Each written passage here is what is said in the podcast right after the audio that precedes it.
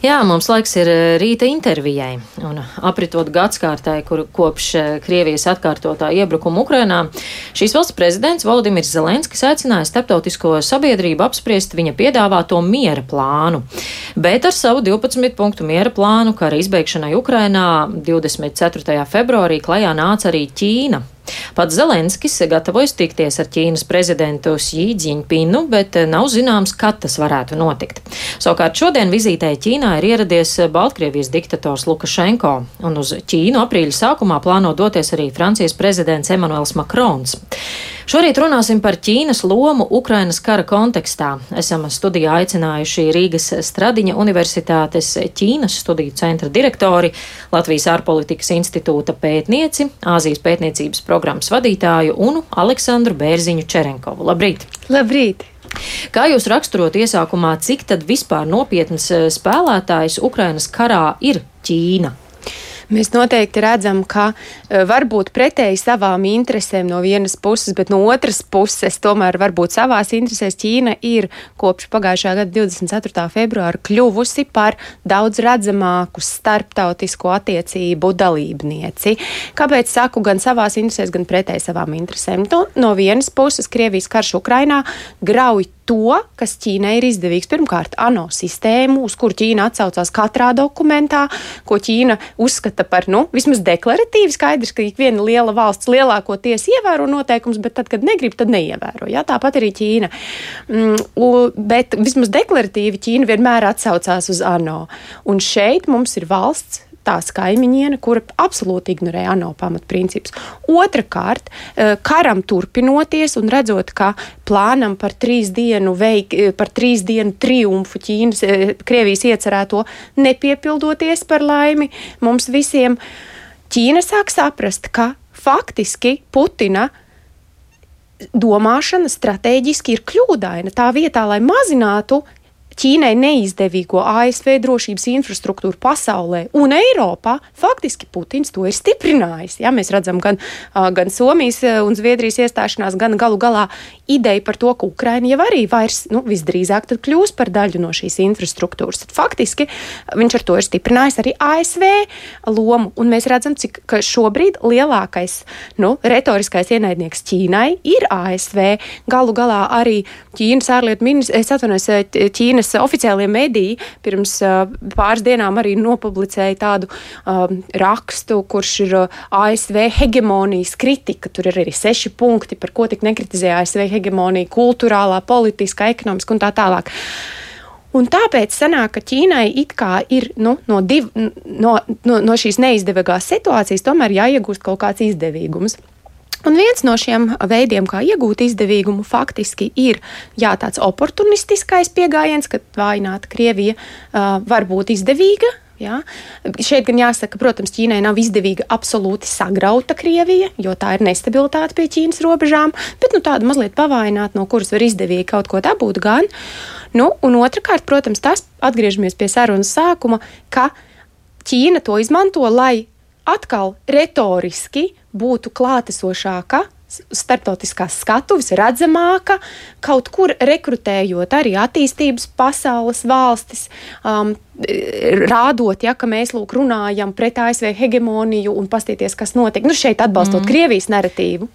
Karā nu, mēs esam jau gad, veselu gadu no vietas atkārtot, atkārtojam to, ka ir divas puses. Kurā pusē tad vairāk Ķīna pieslietos, kas viņai ir tuvāk tā Krievijas puse vai tomēr rietumu? Vai viņiem izdodas tomēr noturēt to savu, nu, tā dēvēto neutralitāti? Kur, kur viņi vairāk pieslienas, kas viņiem izdevīgāk? Skatoties Ķīnas eh, dokumentus, arī to starp šo jūsu minēto eh, pozīcijas papīru par eh, kāru, par mieru Ukrainā, jeb 12 punktu plānu, mēs redzam, ka, protams, Ķīna nav gatava nostāties pret Krieviju. Tas ir absolūti skaidrs. Mēs arī redzam, ka retoriski Ķīnas amatpersonas ir arī atkārtojušas dažus Krievijas narratīvus pat par biolaboratorijām. Šeit gan nav lab, to atkārtojuši samita personas, bet to ir atkārtojuši oficiālie uh, preses kanāli, kur ir nu, faktiski valsts nu, kompartijas roka. Mm. Ja?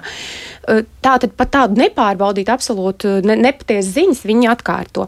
Tas nozīmē, ka, kā mani kolēģi asprātīgi dēvē, Ķīnas neutralitāti var nosaukt par prokrievisku neutralitāti.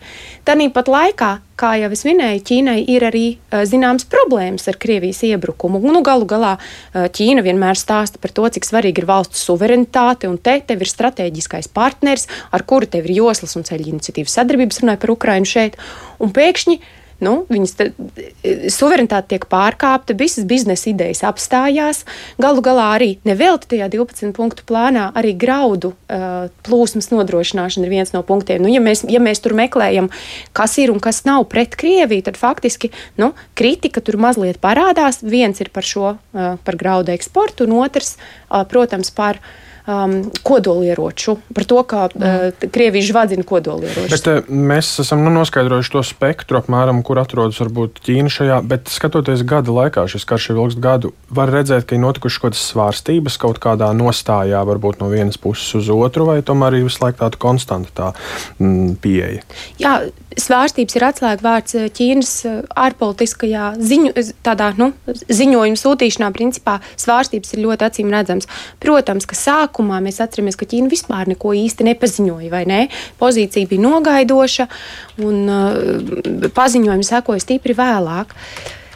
Un pēc tam kaut kādā brīdī jau uh, kara gadam, tuvojoties jau apaļam gadam, sāka rietumu presē parādīties informācija intervijas ar kaut kādiem ķīniešu nenu, vārdos nenosauktiem diplomātiem, un tā, ka Sīdzinpins jau patiesībā nemaz, nemaz nā, nebija zinājis par Putina lielo plānu iebrukt Ukrajinā. Ja? Neskatoties to, ka mm, nu, tā, tā pirms tam pozīcija bija tāda, ka iespējams visdrīzāk viņš bija informēts. Ja? Tā tad kaut kāda vēlme kaut kur distancēties, un šīs svārstības, jeb tāda nu, neskaidrība Ķīnai šķiet, ka tā ir pietiekama, lai saglabātu uzticību no vienas puses Krievijas un otras puses rietumu acīs, ja, un tad mēģināt uzņemties šo vidutāju lomu. Bet mēs jau rietumos redzam, ka nav pietiekama, un tāpēc mēs to saucam par prokrievisko neutralitāti. Jo Ķīna, protams, kritizēt Krieviju atklāti mm. nav gatava. Nu, Mīnhenes drošības konferencē nesen izskanēja no ASV bažas, ka nu, amerikāņi novēro satraucošas tendences, ka ķīnieši varētu um, atbalstīt Krievijas armiju un piegādāt uh, letālas, letālu palīdzību Krieviem Ukrainas karā. Uh, cik tas ir uh, pamatoti? Pekina gan šos apgalvojumus noraida, publiski Ķīna esot par mieru un dialogu. Kā tur ir? Vai patiesībā varētu būt, ka ir kaut kāda iespēja, ka viņš šos letālos ieročus varētu piegādāt? Jā, vēl viens ātrais arguments par labu prokrieviskai neutralitātei ir tāds, ka tad, kad uh, Vāns Ī paziņoja par um, šī te um, miera, par šīs miera Ukrainā pozīcijas uh, nākšanu klajā, Krievija gan Krievijas mediji bija ļoti, ļoti par to priecīgi. Nu, tas arī kaut ko norāda. Ja, ja viņi ļoti slavē šo miera plānu, nu, tad uh, jautājums ir, cik tas ir uh, neitrāls. Uh, bet attiecībā uz ieročiem, nu, šobrīd ir runa par, vismaz tik, cik mēs zinām, mēs skaidrs, ka viss, kas attiecās uz, uz, uz militāro sadarbību, ir ļoti miglātīts jautājums. No vienas puses, Krievija ļoti uzsver šo, ja mēs esam redzējuši to pozicionēšanos ar kopējām mācībām, nereizi vien, ja, piemēram, tagad Vostok iepriekš 20 2022 um, ir, ir, ir bijuši 3600, ķī, uh, ne, 2000, atvainojiet, 2000 Ķīnas, uh, Ķīnas uh, bruņoto spēku, bet visu bruņoto spēku pārstāvji. Bet, tāpēc šobrīd ir jautājums, vai te ir runa par kaut kādiem uzņēmumiem, kas mēģina nopelnīt šeit, ja, un oportunistiski eksportē, piemēram, dubultās izmantošanas, dubultās pielietošanas tehnoloģijas. Nu, par to būtu diezgan skaidrs. Ja, ja jau mēs galu galā pat pieķeram arī rietumu uzņēmumus, kur mēģina šeit piepelnīties, vai ne? Um, Tad, uh, ot, bet šobrīd ir nepārbaudīta informācija, kas ir uh, no, uh, kas, no Krievu um, interneta resursa Repartiori 26. februārī ir aizgājusi arī Twitter plašumos. Nevēlti šorīt runājāt arī par Twitter un cik, cik tam var vai nevar uzticēties, bet tur šajā pati par sevi ziņa ir interesanta, jo Krievijas informācijas um, lokā tiek paziņots, ka ķīnieši lūk Uiguru Sindzens autonomajā rajonā gatavo artilēriju. To dekomisiju, to tātad at, atjauno, lai it kā sūtītu uz Krieviju. Tātad šeit mēs nezinām, cik tā, tā ir patiesība, ir vai nav, bet mēs redzam, ka Krievijā tiek uzskatīts, ka šis stāsts stiprina Krievijas izredzes, ķīnieši Bet, tūlīt, tūlīt sūtīs. Cik tas ir ticami, tie paziņojumi, kas nāk no Ķīnas, vai tur viņi nespēlē tomēr līdzīgu spēli, kā Krievija saka vienu publiski, bet dara kaut ko citu? Absolūti, un tāpēc arī es vienmēr esmu iestājusies pret Ķīnas un Krievijas atties, attiecību, jeb draudzības pārvērte, tādu pārāk, pārāk liels lomas piešķiršanu šīm attiecībām. Šīs ir transakcionāls attiecības, kur, jā, viņiem ir daudz kopīgi šobrīd arī cīņa pret arī ASV kā lielā bubuļa, ja tā tad loma, bet uh, ir ļoti daudz arī izaicinājumu šo valstu starpā. Šeit uzreiz gan gribu teikt, ka tam, tad, kad mēs runājam ar uh, kolēģiem Eiropas Savienībā, mēs vienmēr uzsveram, es un, un citi kolēģi, kas pēta Ķīnas un Krievijas attiecības, Nav svarīgi, cik tuvas ir Krievija un Ķīna. Svarīgi ir tas, ka Ķīna šobrīd konstruktīvu lomu Ukrainas kara atrisināšanā nespēlē. Un pavisam varbūt īsi noslēgumā gribētu par šodienas notikumu, par Lukašenko diktatora vizīti Ķīnā. Cik tam ir liela nozīme, vai tam ir kaut kāda vispār jāpievērš uzmanība? Jā, tas, protams, ir arī signāls. Lukašenko pagaidām vēl mēs eh, neesam saņēmuši, saņēmuši pārunu iznākumu, jā, bet nu, mēs saprotam, ka tas būs apaļš un vispārīgs. Un, un, Un, un uh, tie paziņojumi, ka, protams, Lukašenko to izmanto, lai paceltu savu profilu. Viņš ir devis interviju Ķīnas plašsaziņas līdzekļiem, kur viņš stāsta par to, cik tehnoloģiski attīstīta ir Ķīna un ka Mēs tagad mācāmies no ķīniešiem tehnoloģijā, Baltkrievijai un Ķīnai. Protams, tas ir ļoti patīkami, ka ir kāda valsts Eiropā, kas eh, tik augsti viņus vērtē.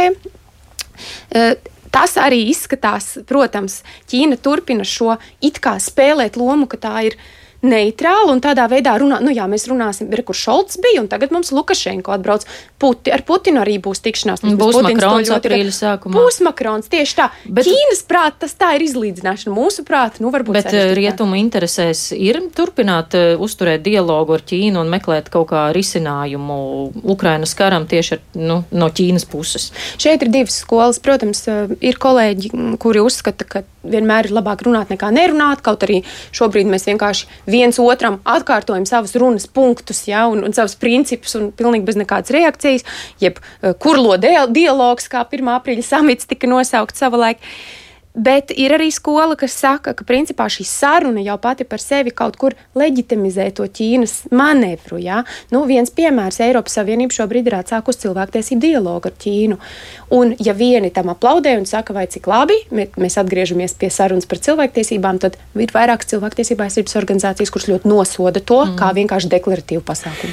Nu, paldies šajā mirklī teikšu par eh, sarunu Rīgas Straģņu Universitātes Ķīnas studiju centra direktorei Latvijas ārpolitikas institūta pētniecei, Māzijas pētniecības programmas vadītājai Unai Aleksandrai Bērziņai Čerenkovai.